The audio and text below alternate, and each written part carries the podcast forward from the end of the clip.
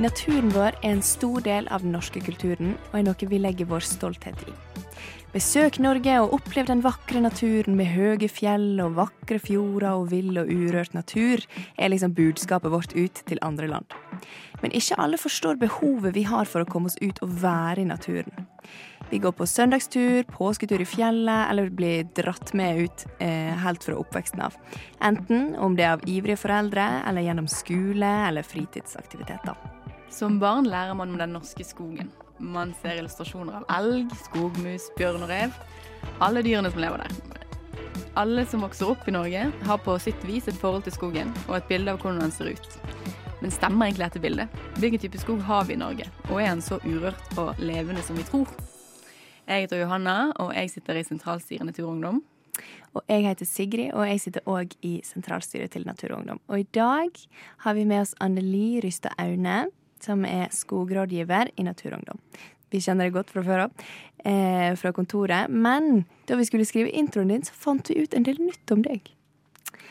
Eh, tidligere har du gått på Regnskoglinja med Sund folkehøgskole og vært på brigadetur til Brasil med Latin-Amerika-gruppa. Og der har du jobba med internasjonal skogforvaltning. Så har du eh, jobba med skogforvaltning i Ås kommune gjennom engasjement i Rødt og eh, Extinction Rebellion. Og eh, i Ås så studerte du òg økologi og naturforvaltning med fordypning i skogøkologi på NMBU. Dette var før du starta i eh, Naturungdom, men eh, eh, før du ble ansatt, så var du òg praktikant eh, på økologiske gårder. Eh, vil du fortelle oss litt om eh, stillinga di som skogrådgiver i NU? Ja, jeg jobber som skogrådgiver i Natur og Ungdom. Som er en eh, prosjektstilling under et prosjekt som heter Skogen mer enn bare trær. Som er et samarbeid mellom Natur og Ungdom, eh, WWF, Sabima og Naturvernforbundet. Mm. Så dette er et eh, treårig prosjekt som skal handle om å jobbe med skog og formidle eh, hvilke verdier som finnes i skog. Så målet med prosjektet er å få flere folk til å engasjere seg for skog. Eh, ved å holde foredrag, ved å ta med folk ut i skogen, og ved å eh, engasjere flere folk som har lyst til å jobbe med skog i sine kommuner, da, og spre informasjonen videre der. Og vi, snak, vi snakket jo litt om dette bildet av den norske skogen man kanskje gjerne har. Um, forstår du liksom hva vi mener at man har en sånn tanke om hvordan, hvordan skogen ser ut, og hva som lever der? Um, ja, jeg tror de fleste nordmenn har et veldig nært forhold til skog. Og det er fordi vi har veldig mye skog i Norge. Det er ca. sånn 44% av landarealet i Norge er skog. Så det betyr at vi finner jo skog over hele Norge, og folk har et veldig nært forhold til det å gå tur i skogen, gå på ski i skogen, gå på barneskolen og eh, lage bål i skogen og sånne type ting. Så um, det er mange som har et godt forhold til skogen og tenker at vi har veldig mye skog og veldig mye urørt skog i Norge. Um, men det stemmer kanskje ikke, da. Vi har veldig sterkt endra skog. Det som er skog i Norge i dag, er ikke en naturlig skog. Det er ca. tre fjerdedeler av norsk skog er jo flatehogd, som vil si at um, at man har hugd det i svære flater. Og så planta ny skog igjen. Planta gjerne gran eller furu og laget en plantasjeskog. Og da har man jo endra skogen fra at det er forskjellige arter og forskjellige høyder og forskjellige dimensjoner og forskjellige um, uh, tettheter. Noen vokser tett, noen er liksom langt fra hverandre. Til at um, alle vokser i pene, rette rader med lik avstand og lik uh, diameter på trærne. og samme høyde. Og da har man jo på en måte endra det fra eh, å være veldig artsrik med mye forskjellige eh, habitater og nisjer, til at det har blitt en ensjikta skog, da. En monokultur, egentlig. En slags grønn ørken der det er veldig få arter som klarer å bo, da. Ja, fordi at monokultur er et negativt lada ord? Um, ja, det betyr jo mono betyr jo én, og kultur betyr jo noe man har dyrka. Så det betyr at det er en, en dyrka plantasje med bare én art. Og det, i Norge så er det jo mest gran. Um, og det er jo ikke så veldig mange arter som klarer å bo på én type art. Når alle trærne ser helt like ut. man trenger mer diversitet. Da man trenger at noen trær blir veldig gamle, noen får lov å dø naturlig. Og at det er samspill med andre arter rundt for at man kan skape denne mangfoldige diversiteten. da.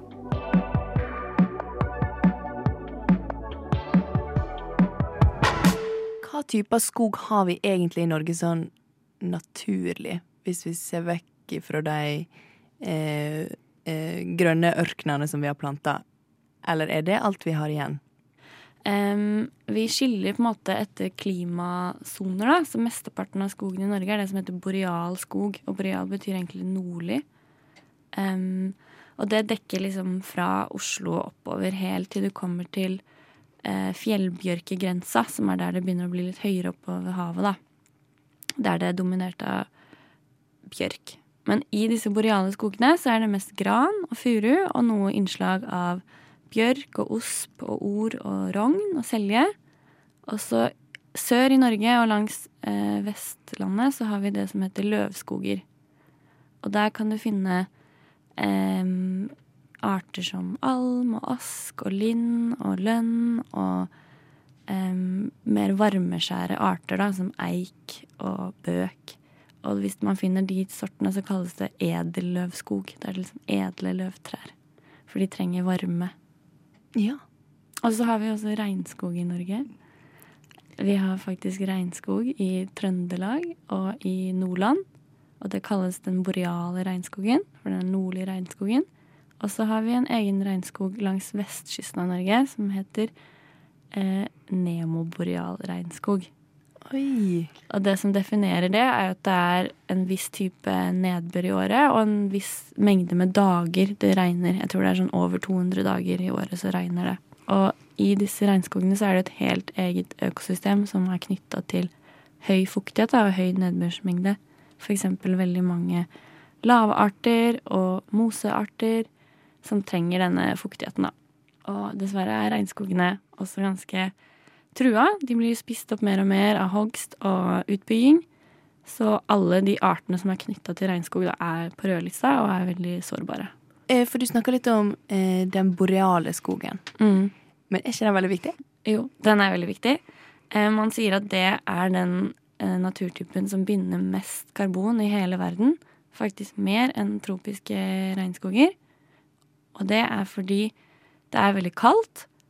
Og når det er kaldt, så uh, går ting litt tregere. Altså sånn Det er kortere vekstsesonger og kaldere om natta og sånne type ting, som gjør at uh, nedbrytning f.eks. går veldig mye saktere. Og da blir det lagra mange lag med uh, dødt organisk materiale oppå hverandre, som er det som lagrer karbon, på en måte.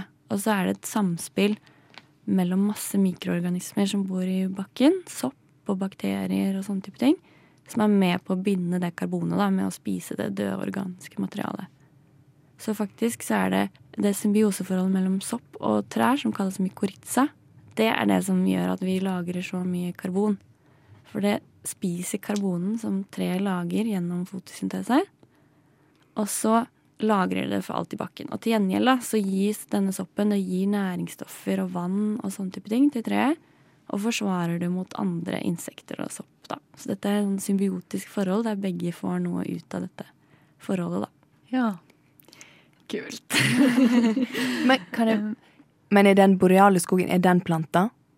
Um, ikke nødvendigvis. Det betyr bare at det ligger på dette klimasonen, da, som den boreale linjen.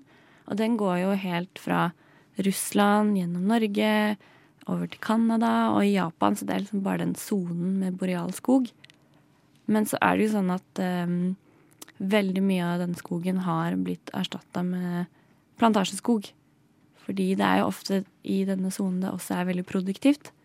Og der kan man dyrke mye eh, skog, da, til å drive med produksjon.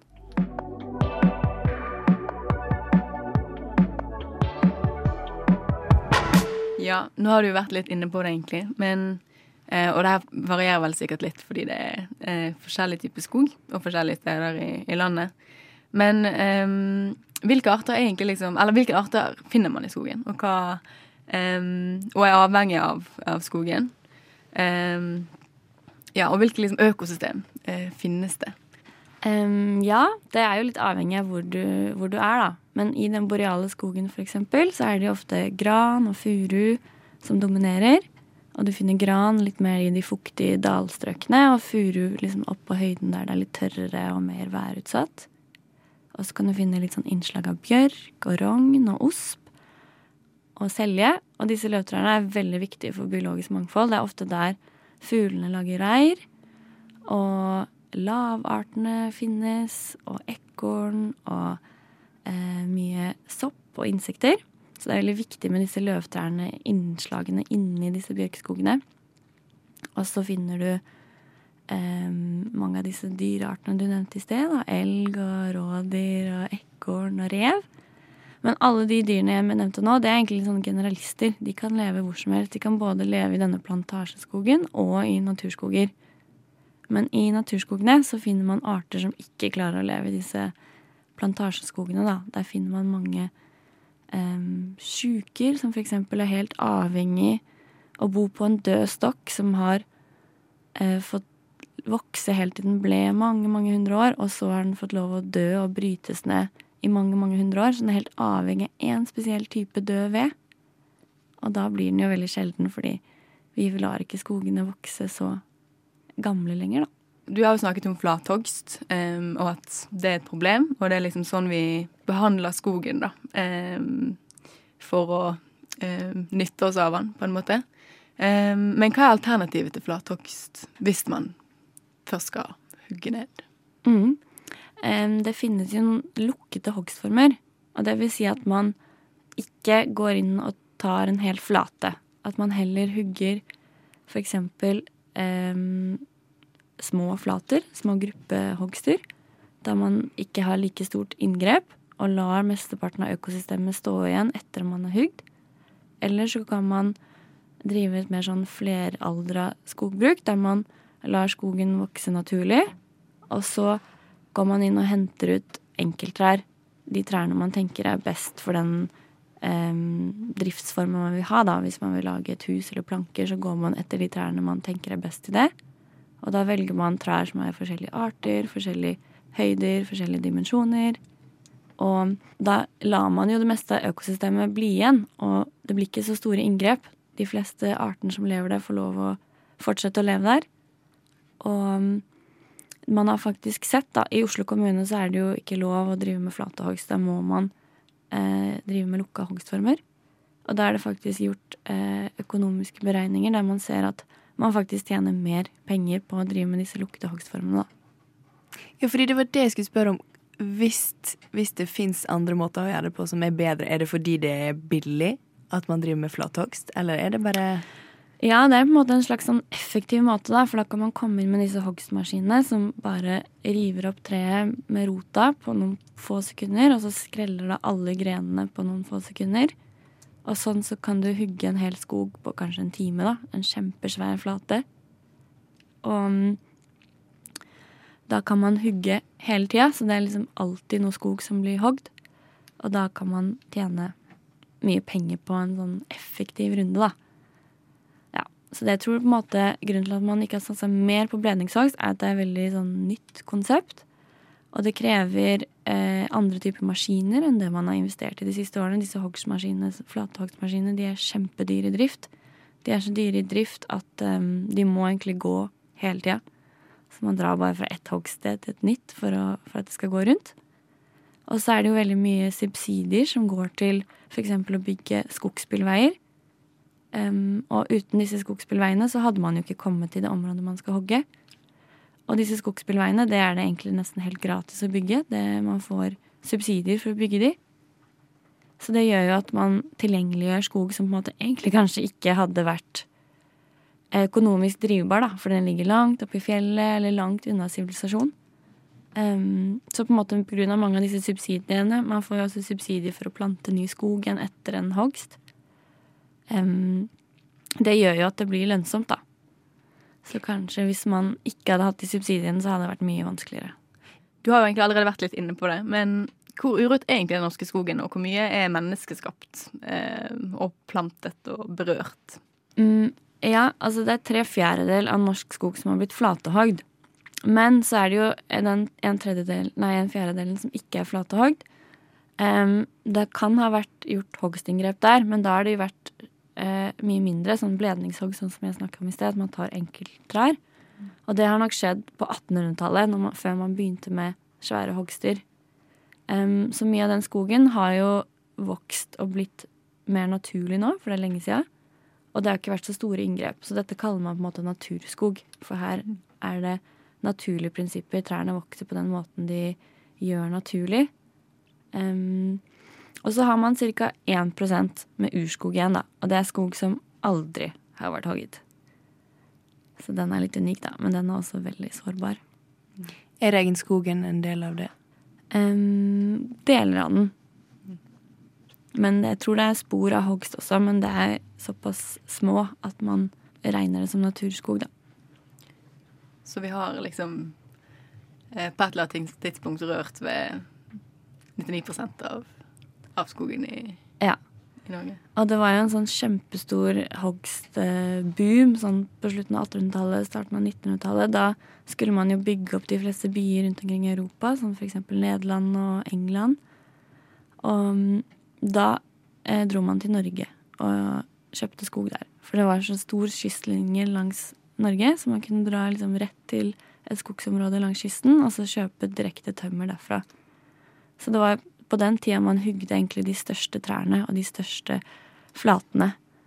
Og det var jo da de største gamle eiketrærne forsvant, f.eks., for, eksempel, for man syntes eik var så bra å bygge med. Så Nederland og England er jo bygget på eiketømre fra liksom Vest- og Sør-Norge. Og da forsvant mye av disse gamle urskogstrærne, da. Hvis de som hører på, har lyst til å jobbe med skog, eller bidra eh, på noen måte, veit du Eller hva kan de gjøre da? Um, jeg tror det er veldig viktig å spre informasjon og snakke om det man ser egentlig ikke er en skog. Det er en granplantasje, en monokulturplantasje. Og snakke om dette i hverdagslige sammenhenger, holde foredrag, invitere til seminarer der man kan belyse folk om det. Ta med folk ut i skogen, fortelle om de artene som finnes der, og gi en verdi til det som finnes der, for hvor mer du vet, hvor mer du har lyst til å kjempe for det. Og så er det veldig fint å kartlegge skog. Det er veldig lite skog som er kartlagt. Og det er jo på en måte sånn man kan stoppe utbygging eller hogst ved å finne arter som er rødlista eller sårbare. Eller så kan man drive med fremmedartsrydding. Det er jo veldig mye fremmedarter som kommer inn i norske skoger. Både planta, skogbruksnæringa, f.eks. sitkagran og sånne type ting. Som er med på å utkonkurrere hjemmehørende arter. Som gjør eh, skogene enda mer sårbare da, når de blir pressa ut av nye arter. Eller så kan man prøve å eh, jobbe med kommunepolitikk. Altså prøve å påvirke arealplaner. For sånn som det er i dag, så er det jo utbygging og det å gjøre om natur til byggeprosjekter, som veiutbygging, hyttebygging, som er det som truer skogene aller mest. Så det å liksom påvirke kommunen til å være mer arealnøytral, ikke byggende skog, det kan være noe av det mest effektive, da. Så da må man følge med på kommunene sine planer. Hva har de satt av i sine arealplaner til bygging, og hva lar de bli av natur? Og så prøve å påvirke tidlig i stadiet før de vedtar at denne skogen skal hugges ned. Komme med høringsinnspill, påvirke politikerne som skal ta avgjørelser. Kartlegge og fortelle dem om hva som finnes der. Snakke med grunneier om at dette er verneverdig, f.eks. Eller dette er viktig for friluftsliv og sånne type ting. Um, ja. Og stå på. Det er liksom aldri for sent før hogstmaskinen har vært der, på en måte. Man kan alltid gjøre noe sivil ulydighet eller um, eh, påvirke før det er for sent. på en måte da. Tusen takk for at du kom, Annelie. Takk for meg. Det var veldig hyggelig.